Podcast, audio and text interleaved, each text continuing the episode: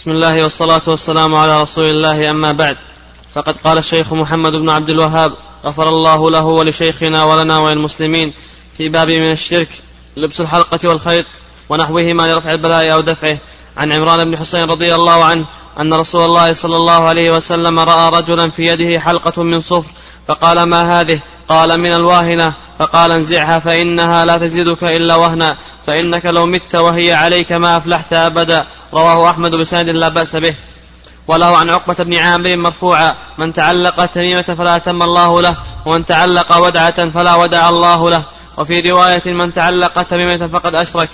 ولابن أبي حاتم عن حذيفة أنه رأى رجلا في يده خيط من الحمى فقال فقطعه وتلا قوله تعالى وما يؤمن أكثرهم بالله إلا وهم مشركون. بسم الله الرحمن الرحيم. الحمد لله رب العالمين والصلاة والسلام على نبينا محمد وعلى آله وصحبه أجمعين. تقدم لنا ما ترجم له المؤلف رحمه الله من قوله باب من الشرك لب الحلقة والخيط ونحوهما لرفع البلاء أو دفعه ومناسبة هذا الباب لكتاب التوحيد أنه آه، يخل يخل بأصل التوحيد أو ب نعم يخل بأصل التوحيد أو بكمال التوحيد. وأنه مما يضاد التوحيد. تقدم لنا قول الله عز وجل وقول الله تعالى قل أفرأيتم ما تدعون من دون الله إلى آخر الآية؟ ثم قال المؤلف رحمه الله وله عن عقبة بن عامر يعني الإمام أحمد رحمه الله تعالى يقول عن عقبة بن عامر من تعلق تميمة فلا أتم الله له ومن تعلق ودعة فلا ودع الله. من تعلق تميمة؟ ها؟ نعم حديث عمران طيب. عن عمران بن حسين أن رسول الله صلى الله عليه وسلم رأى رجلا في يده حلقة من صفر. فقال ما هذا ما هذه؟ قال من الواهنة. فقال انزعها فإنها لا تزيدك إلا وهنا فإنك لو مت وهي عليك ما أفلحت أبدا. رواه أحمد بالسند لا بأس به. عمران بن حسين الخزاعي صحابي جليل توفي رضي الله تعالى عنه سنة اثنتين وخمسين بالبصرة.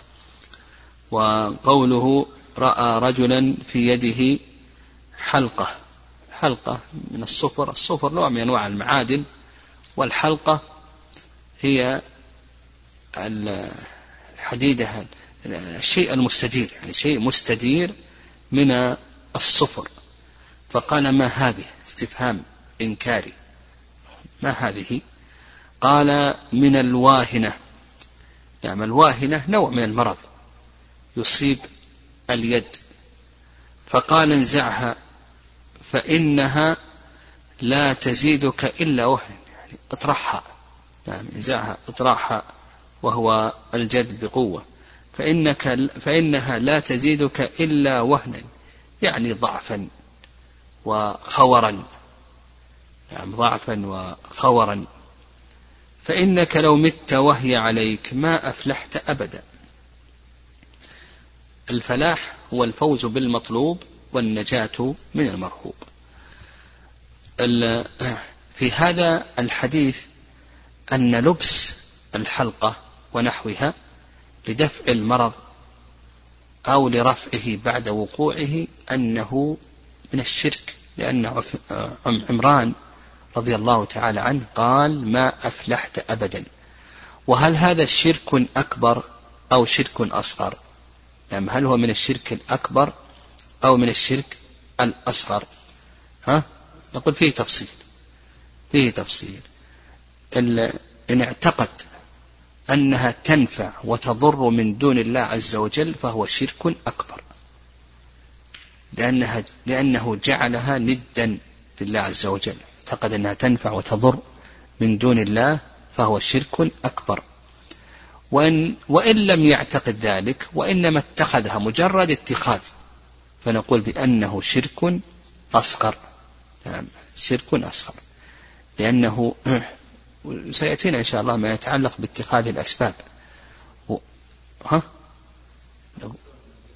نعم.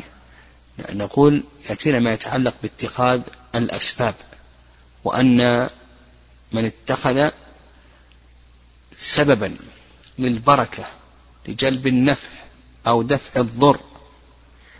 ولم يثبت أنه سبب بالشرع.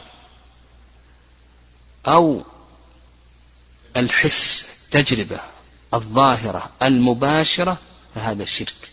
شرك أصغر. وإن اعتقد أنه ينفع ويضر من دون الله فهو شرك أكبر. قال رحمه الله نعم. وعلى هذا قوله ما أفلحت أبدا لأنه قد يعتقد يعني نفي الفلاح هنا إن اعتقد أنها تنفع وتضر من دون الله فهو على ظاهره ما أفلح أبدا لأنه دخل في الشرك الأكبر. وإن اعتقد أنها مجرد سبب فالمقصود هنا نفي كمال الفلاح. نعم نفي كمال الفلاح.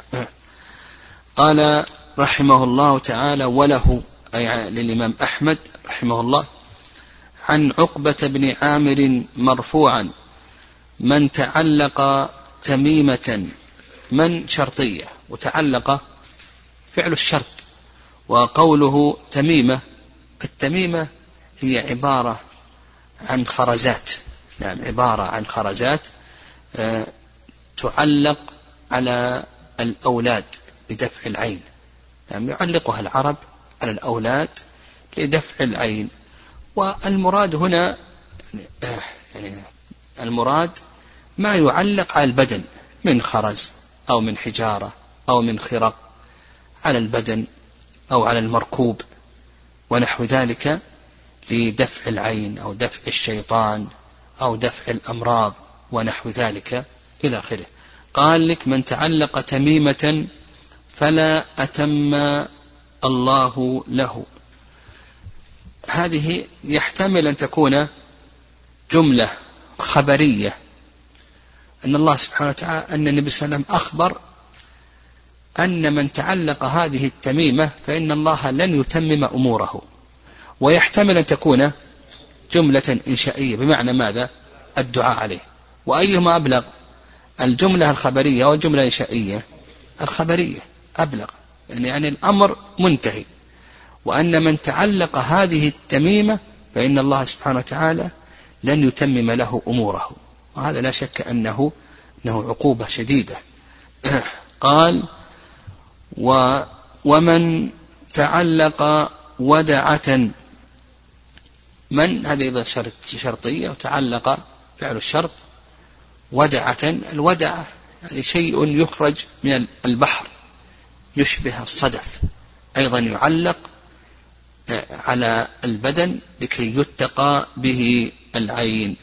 وقول فلا أتم له فلا ودع فلا ودع الله له الفاء هذه واقعة في جواب الشرط.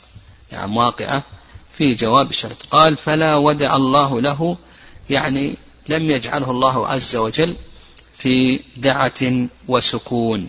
يعني وهذه كما تقدم لنا هل هل هذه الجملة جملة خبرية أو جملة إنشائية؟ يحتمل أن تكون جملة خبرية ويحتمل أن تكون جملة إنشائية.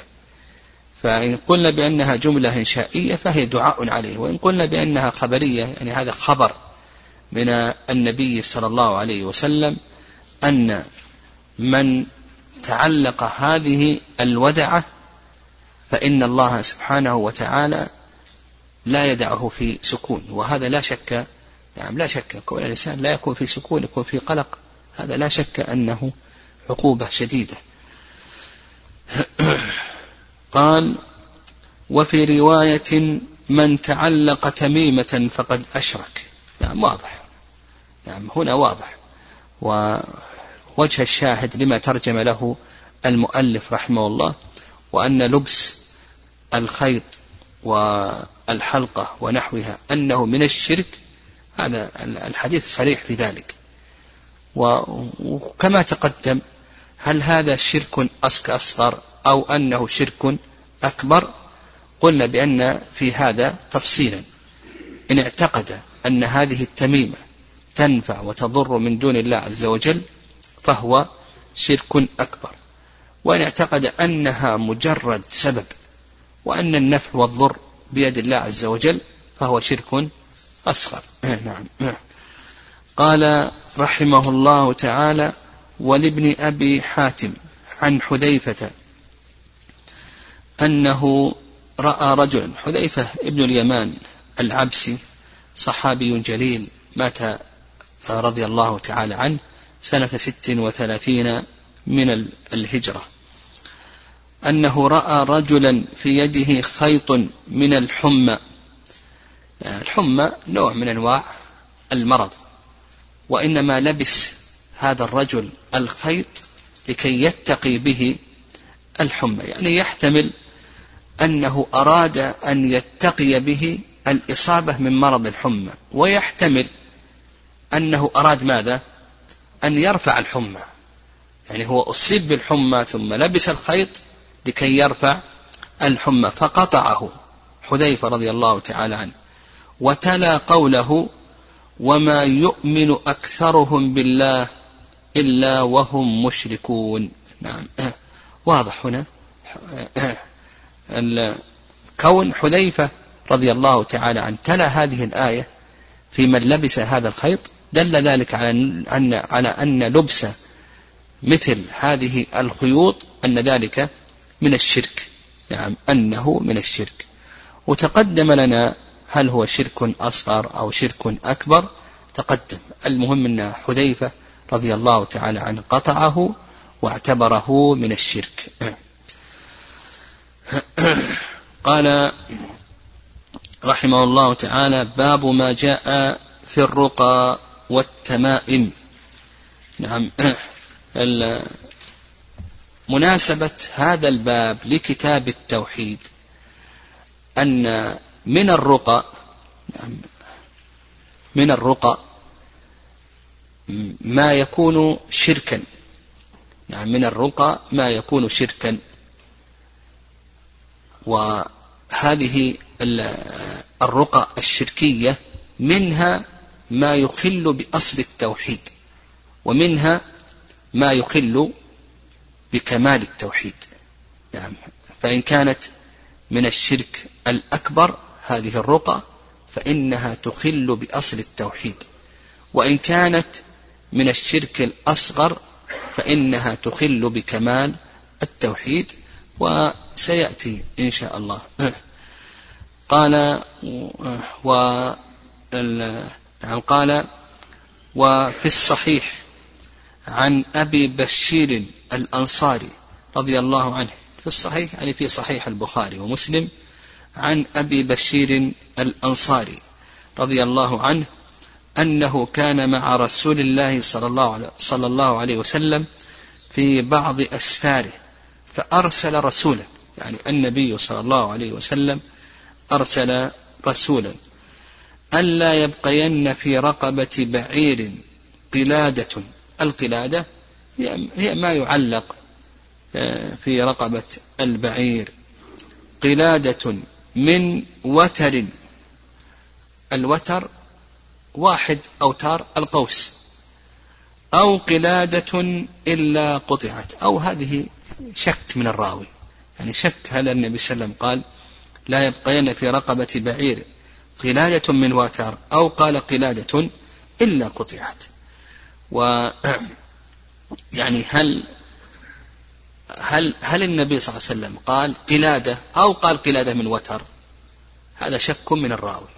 يعني ماذا قال النبي صلى الله عليه وسلم؟ هنا شك من الراوي. وعلى كل حال على كل حال سواء كانت القلادة من وتر أو من غير وتر فاتخاذ مثل هذه القلائد نوع من الشرك. نعم نوع من الشرك. الشاهد من هذا أن تعليق الأوتار على البعير والمراكب وتعليق التمائم يعني تعليق مثل هذه التمائم والأوتار على الأبدان والمراكب ونحو ذلك نقول بأن هذا نوع من الشرك نقول بأنه نوع من الشرك. ولهذا أرسل النبي صلى الله عليه وسلم رسولا بقطع مثل هذه الأوتار. نعم.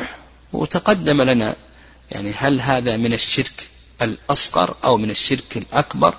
وذكرنا إن كان آه، يعتقد أنه ينفع ويضر من دون الله عز وجل فهو شرك أكبر وإلا نقول بأنه من الشرك الأصغر.